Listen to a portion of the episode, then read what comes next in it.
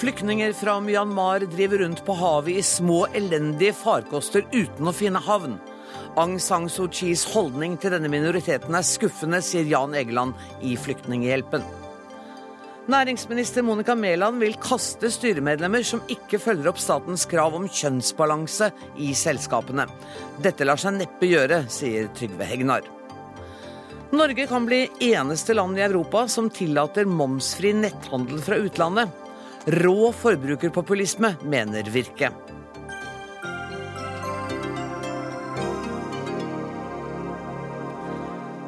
Dette er noen av sakene i Dagsnytt 18, der vi i kveld også skal høre at det er gallapremiere i Cannes på Joachim Triers film 'Louder Than Bombs'. Det er første gang på 36 år at en norsk film deltar i kampen om Gullpalmen. Men aller først til noe langt mer dramatisk. I helga reddet indonesiske fiskere 700 flyktninger som hadde drevet rundt i en båt som var forlatt av mannskapet. De hadde vært uten mat og drikke i lengre tid. Bare de tre første månedene i år har 25 000 mennesker flyktet i båter fra Myanmar. Men nå nekter Thailand, Indonesia og Malaysia å ta imot disse båtene, som dermed blir drivende rundt på havet. Eh, Asia-korrespondent, der var du, eh, Peter Svaar. Godt å ha deg hjemme for en gangs skyld. Eh, kan ikke du beskrive situasjonen på disse båtene? Det er historier her om hele familier som er eh, slått i hjel med planker fra disse båtene og kastet på sjøen i slåsskamper om den lille maten og det lille vannet som er tilgjengelig. Eh, det er slik at De døde som sagt, kan de ikke gjøre noe annet med enn å slenge på sjøen. Og disse båtene har jo noen av dem ligget utenfor kysten i ukevis og månedsvis. Med, I månedsvis? Ja, noen av dem i opptil tre måneder og uten noe særlig skydd for stekende sol og med svært lite forsyninger. Og nå også med menneskesmuglere som har gått fra borde. De har, det er kapteiner som har skrudd av motoren. Det har kommet båter med væpnede menn opp langs rekka. Eh, de har gått om bord i båten, robbet flyktningene for de få verdisakene de har, og så har kapteinen rett og slett stukket av og latt eh, flyktningene bokstavelig talt seile sin egen sjø. Men denne trafikken har jo pågått i lang tid. Hva er det som har endret seg nå? Ja, Det som har endret seg, er jo at eh, det, de siste månedene har vært en kraftig økning i flyktningstrømmen. Det er 25 000 bare de første tre månedene i år. Og det har sammenheng med flere forhold i eh, Myanmar, hvor livet til eh, rohingyaene har blitt vanskeligere. Eh, det andre helt akutte som har endret seg, er jo funnet av massegravene i Thailand for noen uker siden, hvor eh, eh, den, den internasjonale medieoppmerksomheten det har ført med seg, har gjort at thailandske myndigheter over natten har begynt å slå veldig hardt ned på disse etablerte menneskesmuglerrutene. Dette er jo Thailands mørke hemmelighet. Langs Andaman-kysten har Thailands marine og thailandske korrupte tjenestemenn i årevis samarbeidet med menneskesmuglerne i et lukrativt skittenspill, hvor også eh, eh, thailandske militære har tjent penger, ifølge en Reuters-avsløring for noen år siden, ca. 400 norske kroner per rohingya, som de greide å dra av disse båtene og inn i menneskesmuglernettverkene. Og bare noen hundre meter bak eh, strendene, hvor norske eh, feriegjester ligger og drikker parasolldrinker eh, i Thailand og i Phuket, så pågår det et ren slavearbeid, hvor disse rohingyaene blir satt til å jobbe i jungelen. Og det er også der hvor noen av disse massegravene er funnet. Og man har også hørt, jeg vet ikke om du kan bekrefte det, historier om at de blir brukt som gisler. eh, eh, altså at de presser familiene for penger. Ja, og det som skjer er jo i Thailand at Eh, mange av disse land, har, blitt tatt i land i Thailand. Nå er jo den trafikken stoppet opp, men de ble tatt i land i Thailand. Der eh, ringte de opp familiene og holdt telefonlinjen åpen mens de torturerte dem på det groveste, og sørget for at skrikene til disse skulle få familiene hjemme i Myanmar til å betale for å få dem ut. Og de som ikke hadde nok penger, eh, de ble eh, rett og slett solgt som slaver og brukt på kokosplantasjer til å lage, eh, planere jord for nye hotellanlegg. Og altså en slavehandel som skjer bare noen steinkast unna ferieparadisene i sør i Thailand. Daglig leder i Burmakomiteen, Audun eh, Ågre. Hvem er dette folket som nå er på flukt fra Myanmar? Dette er en grensebefolkning mellom Burma og Bangladesh, som har holdt til der i svært mange år. Noen kom før den britiske kolonitiden på 1800-tallet. Noen kom under eh, britene, hvor man ofte brukte eh, de som allierte på britisk side. Og noen har kommet etterpå. Eh, dette er et venneløst folk i, i Burma-Myanmar eh, som har svært få støttespillere. Hvorfor, hvorfor er de så hatet? Eller så, jeg vet ikke, de er kanskje ikke hatet, de er bare forstøtt? er delvis historisk betinget. Eh, altså Rohingya-muslimene og Rakhine-buddhistene sto på hver sin side i andre verdenskrig. Eh, hvor eh, muslimene sto på britisk side, og buddhistene sto også på japansk side. Og skiftet side etter det igjen i forhold til sin uavhengighetskamp. Eh, det var store massakre med titalls tusen drepte på hver side. Det har vært store massefluktsituasjoner både på 70-tallet og 90-tallet, hvor opp mot 200 250 000 har reist til Bangladesh og ofte blitt returnert til forferdelige forhold.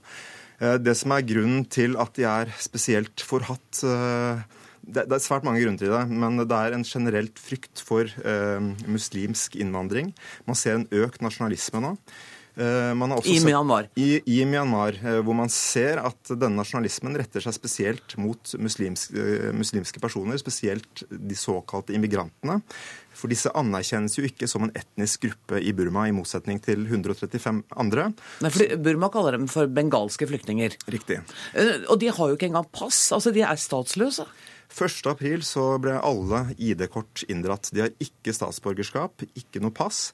Og Det betyr at Burma og også Bangladesh eh, produserer stat, eh, statsløse mennesker som, eh, som, man må sørge for opphør, opphører så fort som mulig. For dette her er en varslet humanitær katastrofe.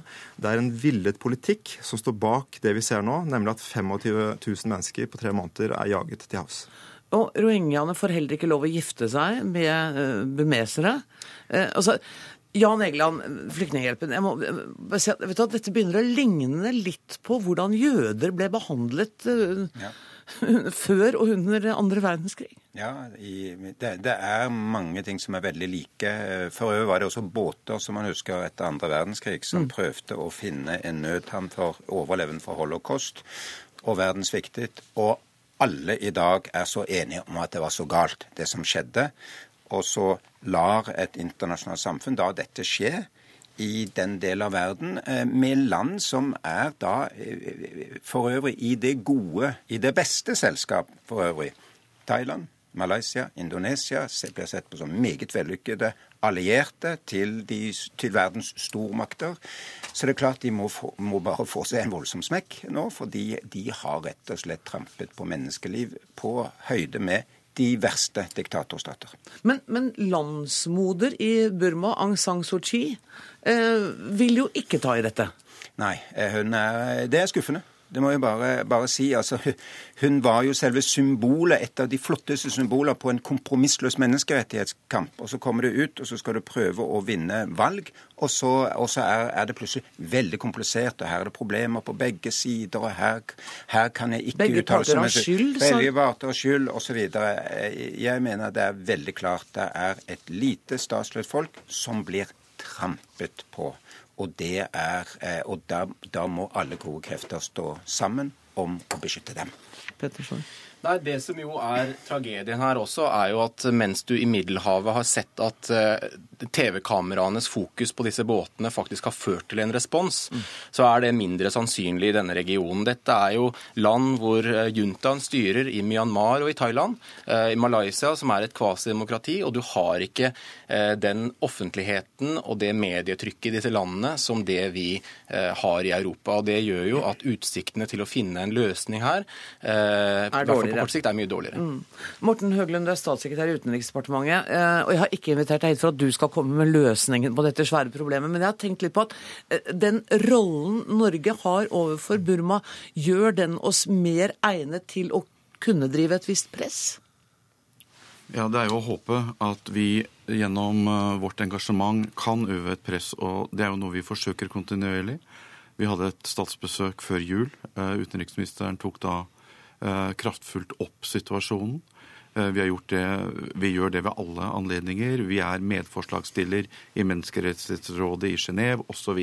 Men det, er det vi ser, og det er jo den situasjonen som blir beskrevet her, er dypt tragisk. Og det er eh, ingen opposisjon av den for å si, legitime opposisjonen da, i Myanmar som heller løfter dette spørsmålet. Så blir, de blir veldig isolert.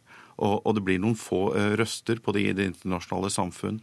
Og eh, de utnyttes av kriminelle nettverk. Nabolandene eh, toer sine hender, og ingen står opp for disse. Så det er klart at her eh, er vi nødt til å se hvordan vi Altså, vi kommer til å fortsette dette ettertrykkelig.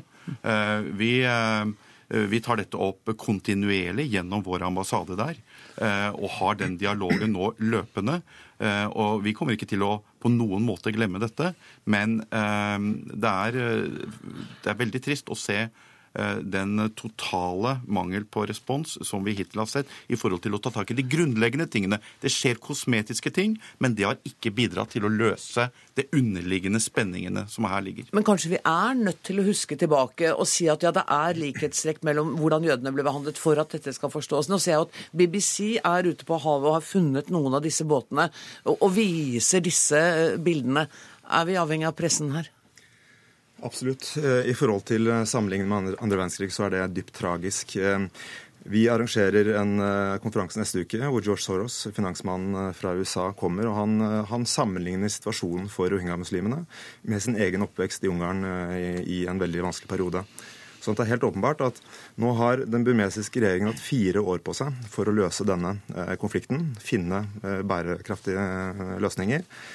Eh, vi har forsøkt med stille diplomati internasjonalt i, i, like lang tid, uten at det har gitt resultater. Så spørsmålet er nå hva skal man gjøre? For dette er en villet situasjon, politisk styrt situasjon fra den burmesiske regjeringen, og det er det vi må til livs. Kjære venner, tida løper fra oss, men jeg tenker at vi kommer til å snakke om dette her når dere har konferansen. Tusen takk for at dere kom til Dagsnytt 18. Petter Svaar, Audun Ågre, Morten Høglind og Jan Egeland. Dagsnytt 18 alle hverdager klokka 18 på NRK P2 og NRK2.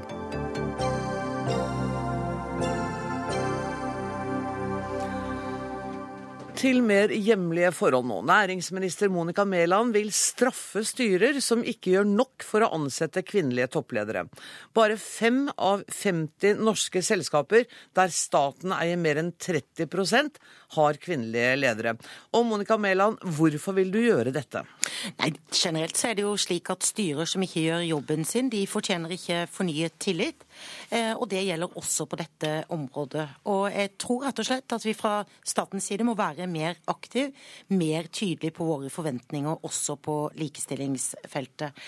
Eh, og i den eierskapsmeldingen som Stortinget vedtok eh, nå ganske nylig, så har vi forsterket våre forventninger til styrenes arbeid. Man skal utarbeide strategier for å øke likestillingsdelen i ledelsen.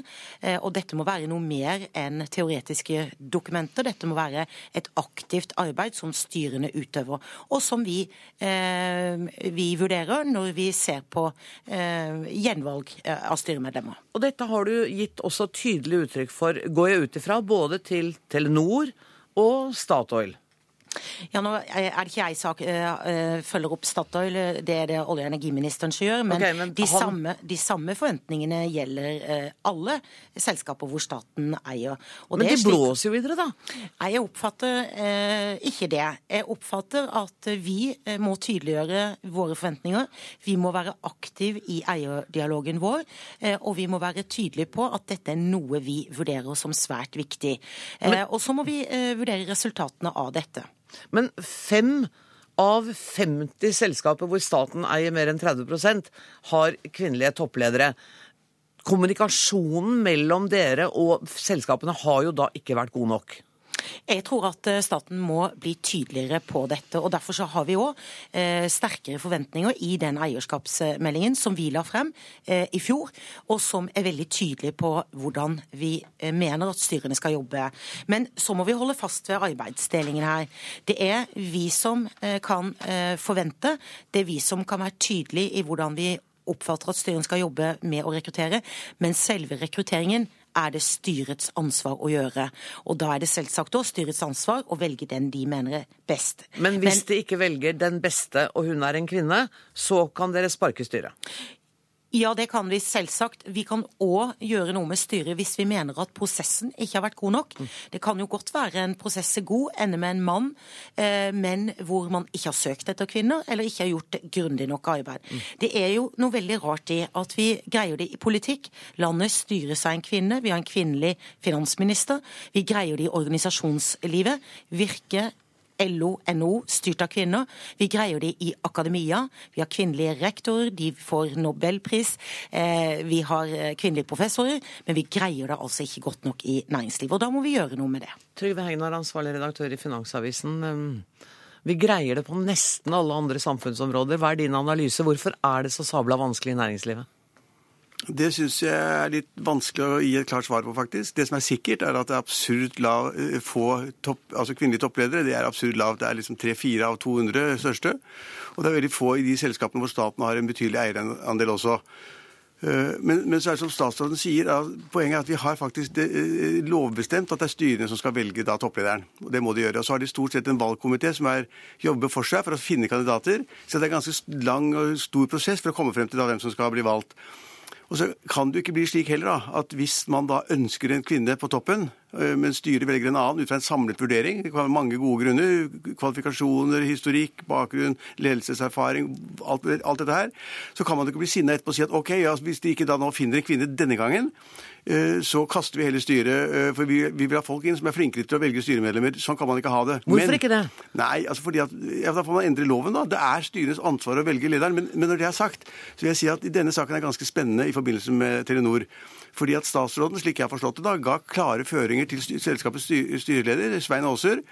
Eh, det vi da har hørt, da, vi kan jo ikke vite det, det ble ikke fulgt. Og jeg synes det er veldig rart at Når det kommer så sterke føringer fra selskapets største aksjonær, staten eier 54% så burde man i dette tilfellet, landets nest største selskap, burde man kunne klare å finne en, kvinne. Men man gjorde ikke. Mm.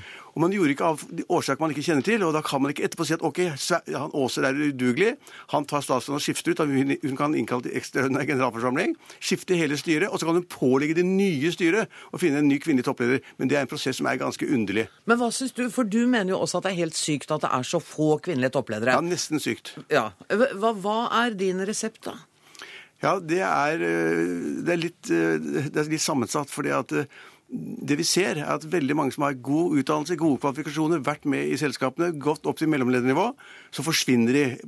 Én altså barselpermisjon, to barselpermisjoner, tre barselpermisjoner. Så blir de på en måte passert mens de er ute. Kommer de tilbake, mister de av lysten på å reise 100 dager i året. Syns ikke det er så veldig gøy å være ansvarlig toppleder syv dager i uka. Så mange faller fra, dessverre. Så det har litt med motivasjon å gjøre, og så har det litt med dyrkingen å gjøre. Og så er det litt som statsråden er inne på, at man må på en måte få en annen holdning i styrene, at vi må lete enda mer. Mm. Men jo, vi vet jo ikke hvor godt de har lett. Og i, i, i, i, saken når det gjelder Telenor, så sier jo da styreleder at han har hatt møte med 12-14 kandidater. Han har hatt en, et internasjonalt selskap som har jobbet for seg, et hodejegerfirma osv. Og, så og da er det veldig vanskelig etterpå å si det at ja, men han overså A eller B. Det er vanskelig. Det skjønner jeg. Monica Mæland, var du så direkte i den henvendelse til Telenor som Tryve Egnar har inntrykk av? Det jeg har vært tydelig på, det er hvilke forventninger vi har til prosessen. Eh, og det er det jeg er opptatt av. Nettopp fordi jeg respekterer at konklusjonen skal og må styret trekke. Mm. Men prosessen må være bred. Man er nødt til å gå grundig til verks. Og man må ha en bevisst holdning til å ønske økt likestilling. Og jeg tror at de fleste av oss begynner å være litt sånn lei av å høre at eh, jo, kvinner, kvinner kan nok, men de vil ikke. Og, og, altså, vi greier dette innenfor mange andre sektorer. Vi har altså inn, i, i, i, politikk, i organisasjonsliv, i akademia kvinner som jobber veldig mye, som kombinerer det med å få barn, som kombinerer det med å pendle fra barn. Jeg er selv uh, eh, ukependler fra to barn. Uh, så vi greier dette uh, innenfor alle andre områder. Og da er jeg veldig i tvil om i likhet med Hegnar så har ikke jeg svaret, men jeg er veldig i tvil om det er kvinners motivasjon som er problemet, eller om det er utvelgelsen som er det. Jeg begynner å tro at det er det siste, eh, og da må vi være tydelige i vår eierutøvelse på hvordan vi forventer at styrene skal jobbe. Vi må rett og slett være mye mer bevisst dette, på samme måte som man har vært i organisasjonsliv og i eh, akademia f.eks.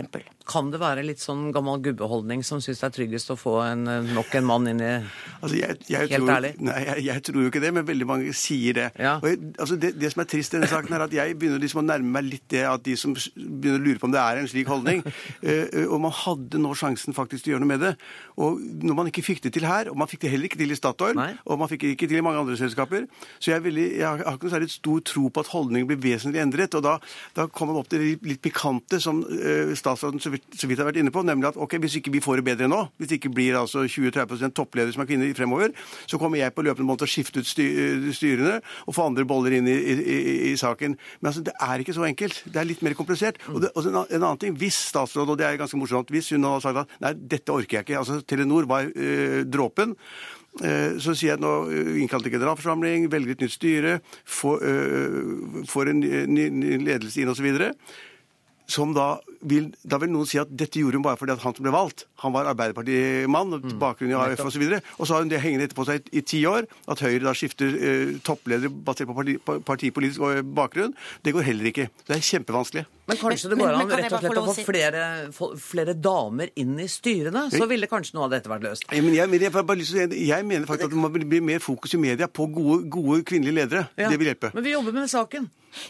Men, men, men det er jo slik at kvinner er representert i styrene, og det er jo noe av det som er trist. Ja. Selv om kvinneandelen i uh, selskapene er økende, Så- det er flere kvinnelige styreledere enn det har vært uh, noen gang tidligere, så, så ser vi altså ikke det gi nok smitteeffekt på ledelsen i selskapene. Dette Eh, og høres så- veldig dystert ut. Jeg, vet hva, jeg beklager, statsråd, men jeg er nødt dette, til å dette skal, vi, dette skal vi bli bedre på. Dette må vi være optimist. Jeg må sette strek der. Tusen takk for at dere kom, Trygve Egnar og Monica Mæland.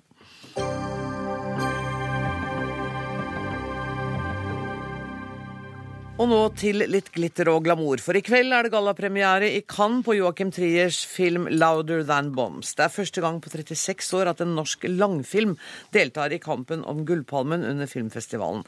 Trier er kjent fra filmene 'Reprise' og 'Oslo 31. august'. Eskil Fugt, velkommen til Dagsnytt 18. Du er manusforfatter, og etter hva jeg skjønner, siden du er på telefon fra Cannes, så er du eh, allerede i finstasen og kledd for galla? Jeg skal gjøre det med en gang jeg er ferdig med dere. Så skal skal jeg hoppe i eh, smokingen okay. og gå ned til mottakelse. mottagelse. Og jeg lover å gjøre dette kort, sånn at du skal få god tid til å pynte deg. Du, men, men gratulerer, hvor fantastisk er ikke dette? Nei, vi syns det er fantastisk i hvert fall å være her og kunne vise filmen i denne sammenhengen. Vi eh, er egentlig litt overveldet av eh, oppmerksomhet og, og at alle verdens øyne er rettet mot eh, vår lille film eh, her i kveld. Så det blir kjempespennende. Ja, Du sier 'vår lille film', men du har sagt at dere har laget en amerik deres amerikanske drømmefilm. Ja, Jeg vet ikke om jeg har sagt akkurat det. Det mente kanskje Ja, det var du at sitat. Vi har laget, eh, vi har laget uh, en film uh, i Amerika akkurat på den måten vi ville lage den. Mm. Uh, det er ingen som blandet seg inn i eh, hvordan manuset skulle være, eller Joakims kunstneriske eh, prosess. Det, så vi har laget den akkurat sånn som vi har laget eh, de filmene vi har eh, filmet i Norge. Men, du, Dermed eh, på våre egne premisser, og står og faller på det her i kveld. men hvordan, jeg er litt nysgjerrig på hvordan du og Joachim Trier samarbeider rent praktisk. jeg. Ja, det er litt forskjellig fra film til film. Vi er jo gamle venner og begynte å lage kortfilm sammen. og er litt sånn symbiotiske i skrivefasen, hvor, hvor det som regel er sånn at vi sitter eh, sammen og finner på hele filmen og hva som skal skje, og hva vi har lyst til å gjøre, og hvilke karakterer og miljøer, og, og drømmer opp en film sammen. og eh, bestemmer hva historien skal være, og så skriver jeg ut scenene og Joakim kommenterer dem eh, frem til vi har et, et ferdig manus. Vet du hva, du får det til å høres så gøy ut. Jeg er ikke det heldige som får lov til å holde på med dette. Men du, og så har det vært mottakelse. Internasjonal presse har vært litt blandet. Dere har fått fra femmer og seksere ned til toere. Lar dere sånt påvirke dere, eller klarer dere å heve dere over? Nei, altså vi, selvfølgelig blir man eh, påvirket og man følger litt med og er veldig glad for alle de gode anmeldelsene som kommer, for det, det eh, roer jo nervene osv. Men vi visste jo eh, at denne filmen var en, en veldig subtil film eh, som ikke alle eh, ville skjønne. Det visste vi egentlig før vi dro ned. Så vi er ikke så veldig overrasket over at det er noen i en sånn hektisk pressevisning kan ikke skjønner alt hva vi vil uttrykke. Men når vi da skjønner at det er andre som, som virkelig elsker filmen og, og uttrykker det i, i rosende ord, så er jo det det aller viktigste. Det verste hadde vært hvis man laget en film som ingen brydde seg om. Ja, Likegyldighet er alltid det verste. Ja, nettopp. Du, eh, Eskil Vogt, eh, jeg vet ikke når du må være i Finstasen, men jeg har ikke nerver til å holde på deg lenger, for jeg har lyst til at du skal virkelig skinne i kveld. Men jeg krysser alle fingre og ønsker dere lykke til. Og så skal jeg fortsette samtalen her med Agnes Moxnes. Takk skal du ha. Um, Agnes, den har jo fått blandet mottakelse, men er jo et svært fenomen. Ja, altså det å Altså, de er jo seierherrer allerede, i og med at de er på plass i hovedprogrammet i Cannes. Eh, det er en seier, og det er ingen tvil om at dette radarparet Eskil Fugt og Joakim Trier er dypt respektert i Cannes-miljøet og det miljøet som samles der eh, hver vår. Men jeg hørte en kommentator som sa i dag at det at Cohen-brødrene leder juryen, eh, også kan trekke i deres favør, for dette ligner litt på en film som Cohen-brødrene kunne ha laget? Ja, det gjør nok det. Og det er mange, og de som er ledere av juryen, har, de har liksom et veldig vektig ord med på laget, og her er det jo to i, i tillegg. Og så har jo Gabriel eh, Byrne, som spiller en av hovedrollene hovedrollene i eh, Joachim Triers film, har jo spilt i Millers Crossing, som er en av de filmene som Cohen-brødrene har laget før. Så sånn kan man jo spekulere i vei. Men eh, det er nok ikke noe tvil om at de har fått litt eh, labrere liksom, bris innover seg enn det de hadde liksom ønsket. Da. De hadde nok ønsket at det hadde liksom slått til litt, litt bedre og litt mer liksom eh, at kritikerne har vært litt mer enige enn det de er, for det spriker ganske mye. Og, og apropos dette med amerikansk film, så, så, The Guardians anmelder han kaller jo denne filmen for en euroamerikansk eh, pudding. Og det er jo litt eh, drepende, for er, han er jo en toneangivende anmelder. Og så, så, er det jo ikke helt, De er jo ikke den eneste som deltar i denne konkurransen. og Det ene jeg leste om, var jo den filmen som Kate Blanchett uh, spiller hovedrollen i, 'Carol'. Mm. Og det er andre også. Så det er ikke noen sikker seier enda til Nei, det er ikke det. Og bare det at han er der, er, altså, det er eh, bra nok. Jeg tror ikke man kan regne med at de liksom nå liksom surfer inn og liksom tar med seg gullpalmen eh, hjem. Til det er nok mottagelsen av bl.a. Carol og en, en, debutant fra Ungarn som Ja, som, som jeg leste så vidt ja, som la ut Son of Saul, altså sønnen til Saul, som er en grim historie, skjønner jeg, fra holocaust-Tyskland hvor en av de jødiske fangene får i oppdrag å hente ut folk fra gasskamrene og finner sin egen sønn der, og vi vil gi ham en, en eh, ordentlig begravelse. Og så er den historien i gang. Og det er en av disse filmene som kommer, som jeg skjønner det har vært litt sånn budrunde på nattestid i Cannes om å sikre seg rettigheten til den eh, filmen. Så det er en av disse overraskelsene som kommer i Cannes med jevne mellomrom. Mm. Og, og, og, det er, er jo det som gjør at denne filmfestivalen holder seg så levende som den gjør og som så viktig for, en, for film. Ja, veldig, veldig. Det er den viktigste filmfestivalen, det er det ingen tvil om. Men Agnes, altså uansett, akkurat i kveld, vi heier på den norske filmen. Ja, du gal, altså Disse gutta skal gå over denne verdens største røde løper i dag. De skal bli fotografert, de skal være der. Det er en, en stor seier både for dem, og, men jeg syns vi kan godt glede oss med dem i aller høyeste Litt seier for oss òg. Absolutt. Takk skal du ha, Agnes Moxnes.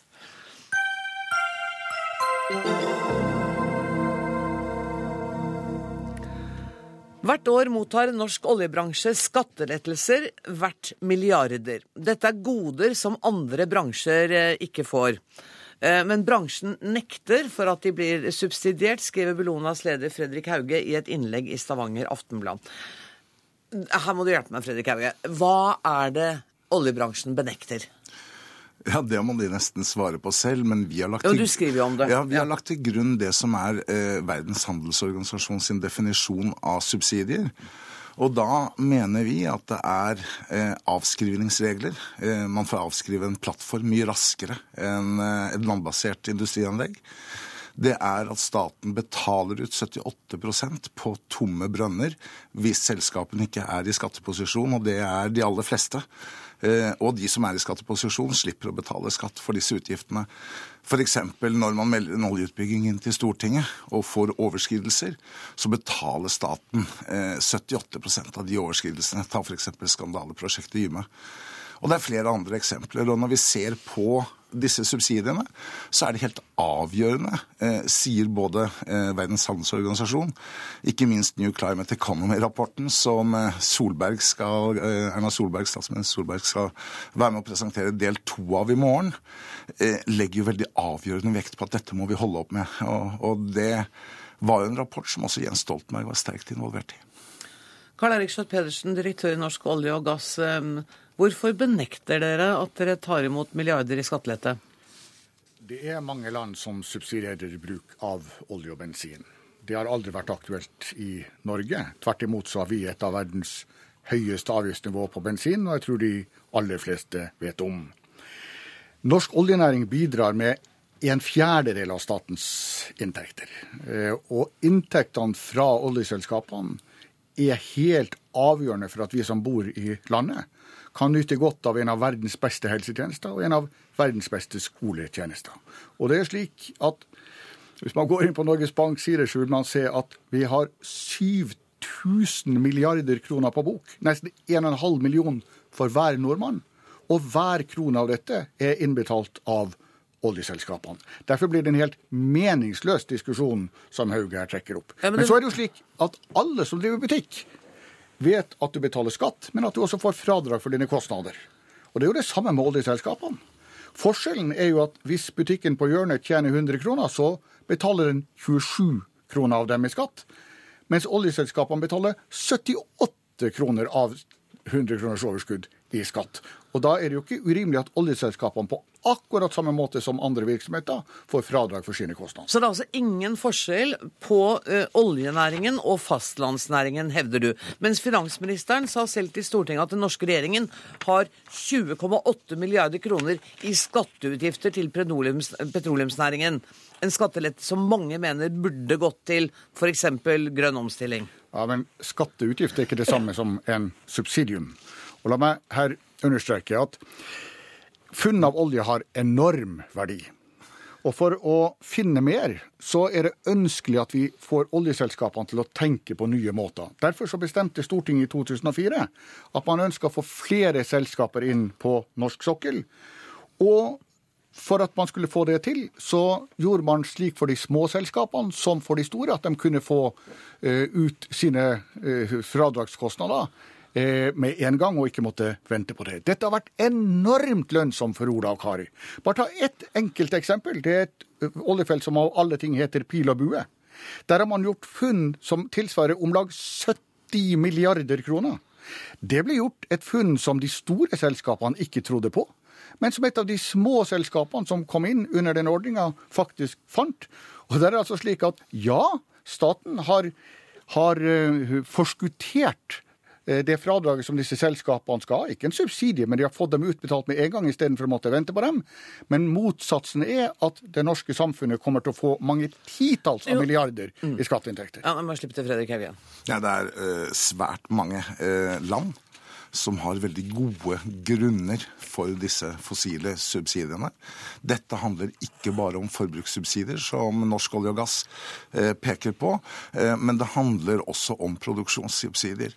Det internasjonale pengefondet nå var nettopp ute og kritiserte Canada sterkt for subsidiering av fossil industri, med veldig mange paralleller til det vi gjør i Norge. Så jeg er veldig spent på hva for definisjon norsk olje og gass legger i subsidier. Jeg, jeg, jeg anerkjenner en del av argumentasjonen, men det dette handler om, er at denne type subsidier og fordeler som fossilnæringen får, flytter kapital. Det er mye mer interessant å investere i denne næringen, mens vi nå virkelig trenger å få flyttet investeringer fra denne type energiproduksjon til ren energiproduksjon. Derfor så er FN eh, Verdensbanken, New Climate Economy, pengefondet, er alle enige om definisjonene. Og det er veldig vanskelig for meg å legge til grunn en annen definisjon enn f.eks. Den internasjonale handelsorganisasjonen, så jeg er veldig spent på hva det er Schjøtt-Pedersen mener.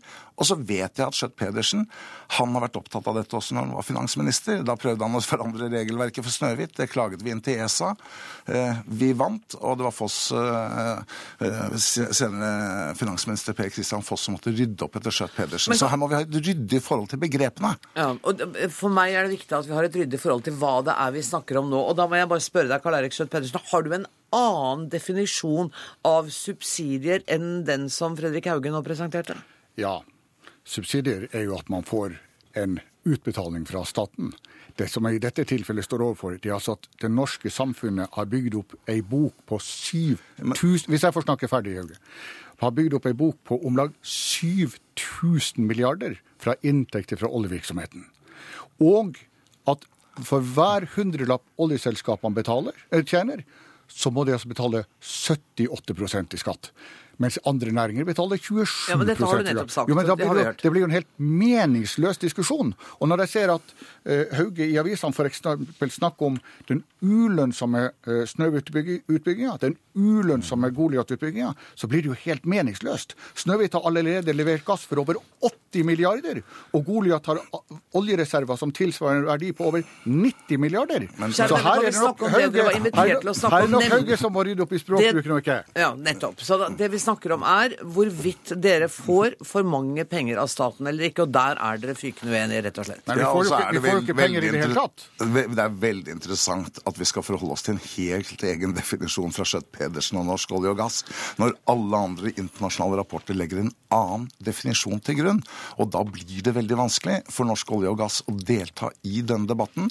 Dette er en svært viktig debatt. Det kommer en stor, stor diskusjon nå opp mot klimaforhandlingene i Paris, hvor alle typer for fossil subsidiering må opphøre hvis vi skal klare klimamålene. Da må vi ha en debatt om dette i Norge også, og da må vi i hvert fall kunne legge noen helt enkle prinsipper til grunn for hvordan vi definerer subsidier, og da kan ikke Norsk olje og gass finne på sin egen. Den, den nye lederen for Norsk olje og gass er veldig eh, debattglad, så jeg regner med at vi kommer til å møtes igjen, jeg, Karl Erik Ja, derfor, Schjøtt-Pedersen. derfor må jeg få lov til å stille Hauge to spørsmål til slutt. Ja. Og det ene er er det slik at norsk oljenæring betaler 78% skatt, mens alle annen næringsvirksomhet betaler 27 Og er det slik at norsk oljenæring betaler 350 milliarder til staten hvert år, og ikke slik at staten ø, betaler ut penger til Svar ja fort på begge de to, så går vi. Ja, Men likevel så betaler staten direkte ut penger til de oljeselskapene som ikke er i skatteposisjon. Penger som kunne vært flyttet over til mye bedre bransjer for miljøet. Neste gang skal vi oppklare dette. Tusen takk for at dere kom, Fredrik Hauge og Karl Eirik Schjøtt-Pedersen. Hør Dagsnytt 18 når du vil. Radio NRK.no. Europarådets kommissær for menneskerettigheter refser Norge for behandlingen av norske rombarn. Bruken av fosterhjem og andre barnevernstiltak er ekstrem, skriver kommissæren i en rapport som ble lagt fram i dag. Ifølge Europarådet er over 60 rombarn under barnevernets omsorg, og mange romkvinner tør ikke føde på sykehus i frykt for at barnet skal bli tatt fra dem. Børge Tomter, seksjonssjef i Barne-, ungdoms- og familiedirektoratet. Hvordan reagerte du da du leste denne kritikken? Ja, altså først og fremst så vil jeg jo si at uh, Når det gjelder tallene, så er jo ikke det tall som kommer fra oss. Så det er ikke tall som vi sånn automatisk går god for. Uh, det kan godt tenke at de stemmer. sånn at vi, vi har på en måte ikke noe grunnlag for å verifisere de tallene. Hvorfor har dere ikke det? Nei, det er vel en beslutning som man har tatt på at det er noen typer karakteristika som man ikke ønsker å registrere og aggregere opp. Og etnisitet er et område man ikke ønsker å gjøre det på. Seksuell legning er et annet, og religion er et eh, tredje. Så det er noen sånne karakteristika hvor man er litt forsiktig. Men når det gjelder innholdet i rapporten ellers, så er jo dette gjenkjennbart i forhold til utfordringer når det gjelder manglende tillit mellom minoritetsbefolkning og barnevernet. At mange er eh, bekymra og redd for barnevernet, og ser på de som en trussel og ikke som en hjelper. Men er ikke det bekymringsfullt også for dere? At det er en sånn mistillit til den eh, organisasjonen eller den eh, institusjonen? Jo, det er, det, er, en kjempeutfordring for oss. Og så er det heldigvis sånn at mange av de som får hjelp av barnevernet, har høy tillit. Og de fleste opplever jo at den hjelpen de får, eh, gir de hjelp. Men så er det noen da, og særlig de alvorlige sakene hvor barnevernstjenesten bruker de sterkeste virkemidlene, som å overta omsorgen, at det er veldig vanskelig både for de det gjelder. Altså det, det å miste barnet sitt til det offentlige er jo en, en, eh, en veldig stor livshendelse som, som, medfører mye sorg og, og, og, og traumer. Eh, og det er vanskelige vurderinger for barnevernet. Og de vurderingene som er også i disse sakene, er jo også eh, ganske krevende i forhold til at de kanskje kommer litt sent inn i disse sakene. Fordi man veger seg noe for å gå inn i. Kan det også være at barnevernet griper for tidlig inn med omsorgsovertakelse fordi man kanskje ikke kjenner kulturen godt nok, eller har språkproblemer, eller hva vet jeg? Det vet jeg ikke, men her er det ikke sånn at barnevernstjenesten kan gå ut på gaten og hente barn. Det er jo sånn at Hvis barnevernstjenesten i kommunen ønsker å overta omsorgen, så fremmer de da en sak for noe som heter Fylkesnemnda for barnevern og sosiale saker, som er en sånn type domstollignende instans, og hvor da kommunen er representert ved, med sin advokat og foreldrene med sin advokat, og hvor man har da bevisførsel før da fylkesnemnda tar en beslutning på om man skal overta omsorgen eller ikke. Men tror du og, Europakommissæren er dårlig orientert om hvordan dette foregår i Norge? Sin, altså Den kritikken hans er jo så skarp. Ja, nei, det, det, vet jeg ikke, men, men, men, det er noe med å ha med seg at det er noen rettssikkerhetsgarantier som foreldrene også er. Og, og, man kan jo se på disse som en gruppe eller som en type enkeltsaker. At det er enkeltsaker hvor barnevernstjenesten har gått inn og vurdert hvordan er situasjonen for dette barnet. Mm. Og så er det jo barnevernstjenestens mandat å eh, ta hensyn til barnet dersom det er motstrid mellom barnets og foreldrenes interesser. Kan det være uheldig at man ikke registrerer på etnisitet? At man rett og slett da ville fått et bedre bilde av om man hadde en overhyppighet av overtagelser f.eks. blant rombarn? Ja, når det kommer til denne type saker, så, så, så ser man at det er en utfordring at man ikke har godt tallgrunnlag ja. til å Uh, måtte verifisere eller, eller, vise frem hvordan virkeligheten er. Mm. Men det er, jo, det er, jo, et valg ikke sant, i, i, forhold til at det også er sensitive personopplysninger som kan spores tilbake igjen og det er lett å forstå. Guri Tyllum, du er forsker ved Fafo og har forsket på politikken som føres overfor norske rom. Den kritikken som kom fra Europarådet nå, kjenner du deg igjen i den? Det er på ingen måte overraskende. Dette er noe som har kommet før. Eh, og når vi har levert en evaluering av den norske politikken mot, eh, mot norske rom eh, tidligere, så var dette også en av de tingene som vi pekte på og har beskrevet som tendenser til berøringsvegring snakker vi om. Som ikke bare, Hva ligger det i det? Det ligger ikke bare i, eh, innenfor barnevernet. altså Det er noe man ser i veldig mange av de offentlige etatene uh, i Norge, som går på at rom er en nasjonal minoritet og har visse rettigheter som nasjonal minoritet. Uh, I tillegg så er det en gruppe som har veldig sammensatte, veldig komplekse og ofte veldig store problemer på mange forskjellige områder. Dvs. Si de har et veldig stort hjelpebehov.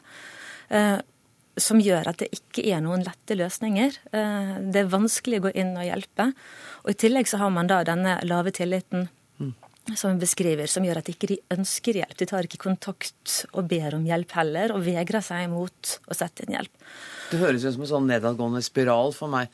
Man har dårlig tillit, man får ikke den hjelpen man trenger, man ber ikke om den hjelpen. Ja, ja der, der tenker jeg at det, det, det, er der vi ønsker å være. ikke sant? Å jobbe med, eh, med ulike minoritetsmiljøer i fredstid, mm. og hvor man kan bygge tilliten og bli bedre kjent med hverandre. Nettopp for at man skal komme i en positiv spiral, ikke den negative spiralen som du beskriver. Men, men dette er jo en, en, realitet som vi står i i dag, og, og, og det begynner å haste for å gjenopprette denne tilliten? Definitivt. Eh, og det, det er en, eh, en, gruppe som Eh, som når de prøver å ta kontakt med norske myndigheter, ofte opplever at de ikke får den hjelpen de trenger, fordi man ikke er beredt på å gi den hjelpen. Fordi de, de har såpass mange utfordringer at eh, velferdssystemet vårt er ikke rettet inn mot grupper som har så betydelige levekårsutfordringer på så mange forskjellige områder. Har du noe forslag til hvordan norske myndigheter kan takle dette på en bedre måte? For jeg, jeg ser jo at det er vanskelig. Ja. Um, altså Det ligger um, flere ting uh, inn i dette. For det første, En ting som, har, som de har gjort i veldig mange europeiske land, bl.a. i Sverige, er at man ansetter uh, personer med rombakgrunn eh, inn i f.eks. i barnevernet, i Arbeidstilsynet, i ulike ting. Som kan hjelpe som kulturformidlere, brobyggere kaller de det i Sverige. Som hjelper både byråkratene med å rette politikken mot denne gruppen, sånn at det kan bli bedre målrettet, men som òg kan bygge tillit på den andre siden. Mm. Det vi i hvert fall kan slå fast, og som dere er enige om, eh, Børge Tomter og Guri Tyldum, er at her har vi et arbeid å gjøre for å gjenopprette tilliten og et godt samarbeid. Tusen takk for at dere kom til Dagsnytt 18.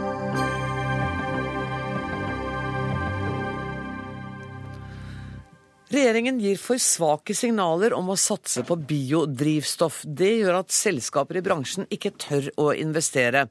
Eh, det sier administrerende direktør Erik Landstein, men han møter motbør fra Høyre. Eh, men regjeringen og samarbeidspartiene har altså blitt enige om, egentlig om rammevilkårene for biodrivstoff. Så hva er egentlig problemet da? Landstein, hvis det er mulig å fortelle meg det? Nei, Det som skjedde, var at uh, regjeringspartiene ble enige med KrF og Venstre i Stortinget i forbindelse med budsjettet for 2015 at mm. nå skulle vi satse på biodrivstoff. Ja. Det er bra, fordi det trenger klima, og det gir oss en mulighet til å bygge opp ny industri i Norge. Vi kan bruke tømmeret vårt bl.a. til å produsere et veldig klimavennlig uh, biodrivstoff. Så kom revidert, eh, og eh, der sto det dette legger vi til siden. Vi kommer tilbake til den saken eh, først i budsjettet for 2016. Og da blir de som er opptatt av klima, bekymret, men ikke minst investorene som ønsker å investere i ny industri, de blir veldig usikre. Hva er det som skjer når regjeringen skriver at dette legger vi i skuffen, vi kommer tilbake til saken i Eh, i budsjettet for 2016. Men det skjedde ikke noe i 2010 også under den rød-grønne regjeringa som var akkurat av tilsvarende kaliber? Det, det, var kanskje det, ikke bare av samme kaliber, men kanskje enda verre. Nettopp. Men eh, behovet da for å få stabilitet eh, blir jo ikke mindre, men kanskje tvert imot enda større når vi har den historien med oss. Så, Så kravene er større til denne regjeringa når det gjelder forutsigbarhet, bl.a. av hensyn til investorene. Og Nikolai Astrup i Høyre, det er jo et argument du har sans for? Ja, og Erik Landstein var jo en del av den, det forrige regjeringsapparatet som bidro til å skape den usikkerheten. Så i 2010, så det å skape usikkerhet, det har han god erfaring med. Ja, Men jeg prøvde men, å ta det poenget for deg, ja, så nå er vi ferdig med det. Det var veldig bra. Og eh, jeg, Men det vi gjør nå, er ikke bare å signalisere klart og tydelig at vi ønsker å satse på biodrivstoff, at vi ønsker å favorisere biodrivstoff, men vi ønsker å lage et robust eh, støttesystem som vil stå seg over tid. For ingen er tjent med at Stortinget vedtar én ting, og så kommer ESA og sier at nei, men dette, dette er faktisk ikke lov likevel, og dette har noen utilsiktede konsekvenser på f.eks. skipsfarten som benytter gass som drivstoff. Eh, da er det bedre at vi har et gjennomarbeidet og godt system som bidrar til at eh, både investorer og produsenter og de som skal bruke dette drivstoffet, ikke minst, har eh, vet hva de har å forholde seg til. Er det det som er grunnen til at dere har lagt det vekk og sier at dere kommer tilbake til det neste år? Nei, det, vi har ikke lagt det vekk. Men det vi uh, har gjort, er bl.a. å uh, Vi har økt CO2-avgiften på, på, fossil gass nå i dette reviderte statsbudsjettet. Vi, har, uh, vi kommer til nå, de fire borgerlige partiene, til å enes om et opplegg i forbindelse med behandlingen av revidert, som vil innebære at biodrivstoff vil komme svært godt ut i årene som kommer. At alt biodrivstoff vil likebehandles. Eh, og, eh, og dermed at vi har et robust system som, eh, som vil stå seg over tid. Ja, Men da er jo alle glad og fornøyde da, Landstein. Skal vi si takk og gå, da? Ja, altså, For å si det sånn, ingenting gleder meg mer enn at Astrup nå bekrefter at de fire partiene i Stortinget vil bli enige om noe som er fremtidsrettet og som vil være forutsigbart. Men det som er problemet er jo at da bør man jo fortrinnsvis ikke skrive i budsjettdokumentene til Stortinget at den politikken man var enige om før jul, ikke eh, skal følges opp. Eh, anmodningsvedtaket eh, ikke skulle følges opp. Og man bør heller ikke foreslå kutte hele den økonomiske rammen som er avsatt til tiltaket, altså reversere hele tiltaket økonomisk. Men han gjør jo ikke det. Ja, hvis det, er, det, er det, det, det er i, i, det budsjettmaterialet som regjeringen har lagt frem, så gjør man det. Men uh, Astrup han har kanskje noen penger i bakhånd som ikke er lagt inn i budsjettpapirene fra regjeringen, og da kan dette ordne seg veldig fint. Men uh, for investorer så er det jo best at vi slipper den usikkerheten at uh, man sier én ting i budsjettdokumenter, og så er det Stortinget som rydder opp i neste runde. Siste oppklaringsrunde nå, Astrup. Ja, eh, nå er det sånn at jeg tror investorene blir mer fornøyd med et system som står seg over tid, og som gir forutsigbarhet over mange år. Eh, Og det er verdt å minne om at eh, regjeringspartiene for ikke så veldig lang tid siden lans lanserte sitt nye opplegg for kjøretøy og bilavgifter i årene som kommer, der vi klart fastslo at det avgiftsfritaket som gjelder for biodrivstoff skal vare minst ut til eh, 2020. Eh, Det gir en horisont, og når vi nå eh, etter revidert eh, blir enige i Stortinget om hvordan dette skal behandles, slik at det ikke er i strid med regelverket i ESA, så er jeg helt sikker på at både investorer, og produsenter og forbrukere blir svært godt fornøyd med den forutsigbarheten vi har å tilby. Men når du sier når man sørger for at det ikke er i strid med ESA-regler og etter revidert og sånn, hvilket tidsperspektiv snakker du i nå? Nei, Jeg snakker om at eh, vi, vi vil bli enige nå, men eh, det vil ikke få virkning umiddelbart. Det det er helt uh, åpenbart. Så, Men fra neste år? Fra, fra typisk enten fra i høst eller fra neste år, ja. Ja, Venstres representant Terje Breivik har jo da vært ute og sagt at dette senest skal på plass 1. oktober i år, så jeg håper at det er det som gjelder. Eh, Men eh, bare for å sette dette litt i perspektiv, det å ha regler som varer minst til 2020, det høres jo ut som en ganske lang periode, men for en investor som skal vurdere om man skal sette i gang bygging av en fabrikk, bruke et par milliarder kroner kanskje på det, eh, dette vil ta tre-fire år.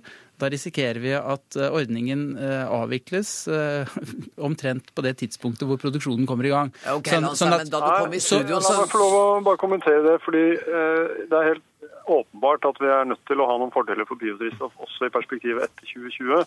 Og det vi har blitt enige om, det er at vi skal i 2020 evaluere de støtteordningene vi da har, og se dem opp mot måloppnåelsen av klimamålene våre i 2030. Hvis vi ser at her er det behov for eh, å ha, eh, videreføre det som det er, for å kutte utslippene nok til at vi kan innfri klimamålene i 2030, vel, så eh, vil det måtte videreføres. Så jeg føler meg trygg på at vi skal få et system som både tar hensyn til klima, men også tar hensyn til de næringsdrivende. For er det noe som er viktig for denne regjeringen, så er det å sørge for at vi har næringslivet med på laget når vi skal bidra til et grønt skifte i Norge. Og etter denne samtalen tror jeg du var med deg, Erik Ja, Landstein. nå. dette høres stadig bedre ut. Så vi, sånn. vi gleder oss til å lese revidertinnstillingen. Og jeg er så glad for å kunne hjelpe dere. Tusen takk for at dere kom, Erik Landstein og Nikolai Astrup.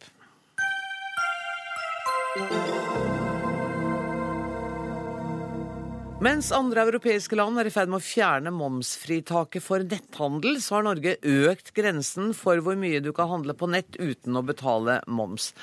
Det vil svekke norsk næringslivs konkurranseevne og kan få store konsekvenser på sikt, mener hovedorganisasjonen Virke. Harald Andersen, du er samfunnspolitisk direktør i Virke, og du har kalt det norske momsfritaket for rå forbrukerpopulisme. Jeg bør nesten ikke spørre deg hva du mener med det.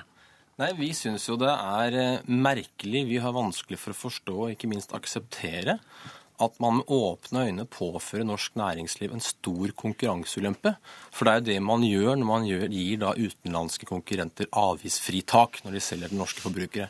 Og det da attpåtil i en situasjon hvor norsk økonomi skal omstilles til en såkalt ny normal. eh, Hvor nye næringer må ta over som vekstmotorer for, for olje- og gassnæringen. Og så på toppen av det hele så legger da EU eh, i begynnelsen av denne måneden fram sin digitale strategi eh, for å fremme hva skal vi si, e-handel på tvers av landegrensene. Veldig bra. Tiltak som norske regjeringen for øvrig applauderer.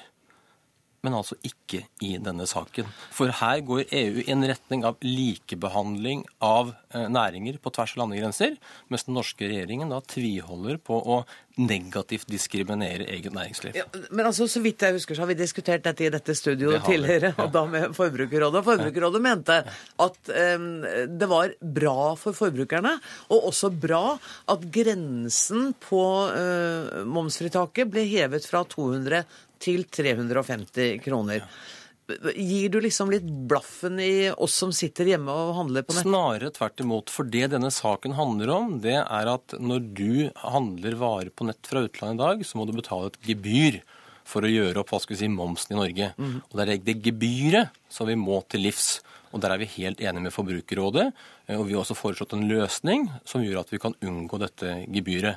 Men den løsningen har da regjeringen så langt ikke ønsket å, å utrede. Så vi ønsker jo da konkurranse på like vilkår, og at norske forbrukere skal ha like god tilgang til varer fra utlandet som fra Norge. Men, men, men blir ikke de varene litt dyrere for meg da? De varene blir jo eh, noe dyrere. Når 350 du, kroner når du må betale moms på varer fra utlandet, så blir det naturlig nok dyrere. Men det skjer på like vilkår. Og det kan jo ingen være imot, at konkurranse på tvers av land skal skje på like vilkår. Jørgen Nærsjø, du er statssekretær i Finansdepartementet. Er du imot at konkurranse skal skje på like vilkår? Jeg er for at konkurranse skal skje på like vilkår, og det prøver regjeringen nå å etterstrebe.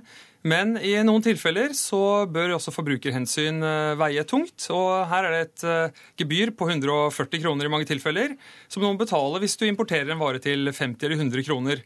eh, Og bare for å, for å kreve inn noen kroner i merverdiavgift. Og da syns vi det er like greit at man slipper det gebyret, slipper momsen, og så får man handlet det inn. Og dette er små beløp det er snakk om. Det er under 350 kroner inkludert. Jo, det er skjønt det er små beløp. Hvis det er veldig mange av oss som driver med dette her, så kan det altså være en trussel for norsk næringsliv.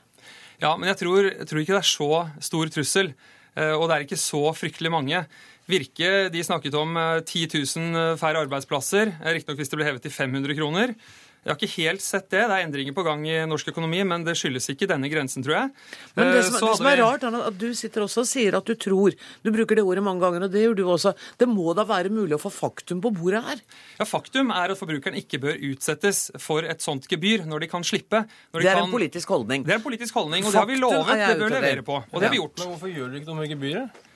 Det er ikke så lett å gjøre noe med det Man, gebyret. klar, man klarer jo det i landene rundt oss. Man klarer, man klarer det åpenbart i Finland, man klarer det i Sverige, man klarer det i EU. Hva er det da dere ikke klarer, som man da klarer i resten av Europa? Ja, Vi er ikke en del av EUs momssystem, hvor du betaler varen i det landet du kjøper eh, fra. Her skal varene over grensen. Da er det en del kontroller som eh, må gjøres. Eh, Man må ha et skikkelig system for det. Og så må fraktselskapene sjekke at momsen er krevd opp, annet. Og det er ikke bare å fjerne, for det, det koster penger for de å utføre Men EU skal jo heller ikke ha noen avgiftsfri grense på varer som da kjøpes fra tredjeland, altså fra land utenfor EU. Vi følger jo det- vi følger jo spent da, med på da det. må jo de ha ordninger som gjør at de kan håndtere dette. Det er EU veldig rart sånn sett fra norsk, norsk ståsted at ikke vi skal klare å håndtere dette når resten av Europa klarer det. EU ser jo på en løsning nå som skal forenkle denne vareflyten, men de er ikke i havn med det, og vi følger med på det. OECD har også et tilsvarende opplegg hvor man kan se på måter å, å forenkle og redusere disse kostnadene på, sånn at gebyret kanskje kan reduseres. Men det er ikke så lett, fordi det er kostnader ved det, både ved å kreve inn den merverdiavgiften og ved å sjekke vareflyten over grensen. Og Det koster penger, og det må de ta seg betalt for. Det skjønner jeg for så vidt. Jeg skulle gjerne fjernet det gebyret, men vi kan ikke gjøre det, og så har de fortsatt kostnadene. Men hvis, hvis, fjerner, hvis det hadde gått an, la oss leke at det hadde gått an å fjerne det gebyret, ville dere da også fjernet momsfritaket? Ja, det er litt hypotetisk. Jeg, jeg skulle gjerne fjernet det gebyret hvis det var mulig. Eller regjeringen ville gjerne gjort det. Eh, jeg tror ikke merverdiavgiften er det store problemet for forbrukeren. Eh, altså, Nei, for 12,5 forbrukeren er det kroner på 50 fordel. kroner eller 25 kroner på 100 kroner. Jeg tror ikke det er det som irriterer. Det er det gebyret på 140. Det blir for urimelig for folk, og det ønsker vi å fjerne. Hadde det vært mulig å gjøre det veldig enkelt, så skulle vi gjort det, men det er ikke mulig. Så det Virke etterlyser her og har som en sånn kvikkfiks-løsning, det, det er litt mer et fantasifoster. Eh, Tollvesenet har faktisk en sånn innfortollingsløsning hvor du kan fortolle på nett, men da krever likevel fraktselskapene dette gebyret på 140 kroner. Og det kan ikke vi. Du må ikke sitte i mitt studio med fantasifostre, vet du du. kan ikke sitte med fantasifostre. Og når man får til dette i Finland, og som jeg sier, når man får til det i resten av Europa, så er det pussig at man ikke da skal klare å få til det i Norge. Men hvordan har de gjort det? Vet du og, det? Nei, og når vi snakker med norske tollmyndigheter, så mener de at det er fullt mulig å få til akkurat en slik løsning i Norge. De erkjenner at den løsningen vi har i dag, dag ikke er god nok, men de ønsker da midler til å utrede hvordan vi kan implementere en slik løsning i, i Norge. Men det har de PT ikke midler til, og det har heller ikke regjeringen da bevilget eh, midler til. Men eh, forstår jeg det. Er dere enige om at hvis vi får fjernet dette gebyret på 140 kroner, så er problemet løst? Da er problemet løst. Da er det heller ingen, inget grunnlag lenger å operere med en slik avgiftsfri grense. Er det ikke det? Hvis eh, gebyret Blir borte, så er det ikke lenger grunnlag for en avgiftsfri grense. Eh, Altså, jeg tror som sagt eh, gebyr er det som irriterer. Jeg tror ikke merverdiavgiften er det som irriterer. Det er småbeløp. Det er dette gebyret som er det store beløpet i ellers små leveranser. og Derfor så er det riktig av regjeringen å heve den grensen, og at det gebyret bortfaller for disse småforsendelsene. Og så, eh, Når det gjelder å se på disse løsningene, så jobber vi med OED på et prosjekt for å se om vi kan klare å redusere dette. Men det er ikke så lett som, som Virke foreslår. Og Jeg tror heller ikke tollmyndighetene klarer det her så lett. Men det er ikke det svaret de gir til meg, i hvert fall heller. Men vi skal se på det, vi. Det hadde vært en fin løsning hvis det hadde latt seg gjøre. Og husk at EUs momssystem er helt annerledes enn Norge, for der har de et marked med flere land. Vi er ikke en del av det. Nei, men, som, men som sagt, også EU avvikler da enhver ordning med avgiftsfri grense for import fra land utenfor EU. Når man får det til i EU, så må man også få det til, kunne få det til i Norge. Vet du hva, Andersen, vet du, Jeg lurer på om du kommer til å komme hit en gang til og snakke om dette her? Ja, hva tror du? Ja, vi gir oss, vi, vi, vi gir oss jo ikke om men, men, men, det vi er helt enige med Nesje i, det er jo, er jo diagnosen. Ja. Men han stiller feil medisin. Feil medisin, riktig diagnose. Dere er enige om diagnosen. Dere må krangle et annet sted, fordi at jeg har bare tid nå til å takke for at dere kom. Eh, Jørgen Esje fra Finansdepartementet og Harald Andersen fra Virke. Um, og så skal jeg helt til slutt nevne at ansvarlig for sendinga i dag var Eivind Våge. Det tekniske ansvaret er det Marianne Myrhol som har, og jeg heter Anne Grosvold. Takk for nå.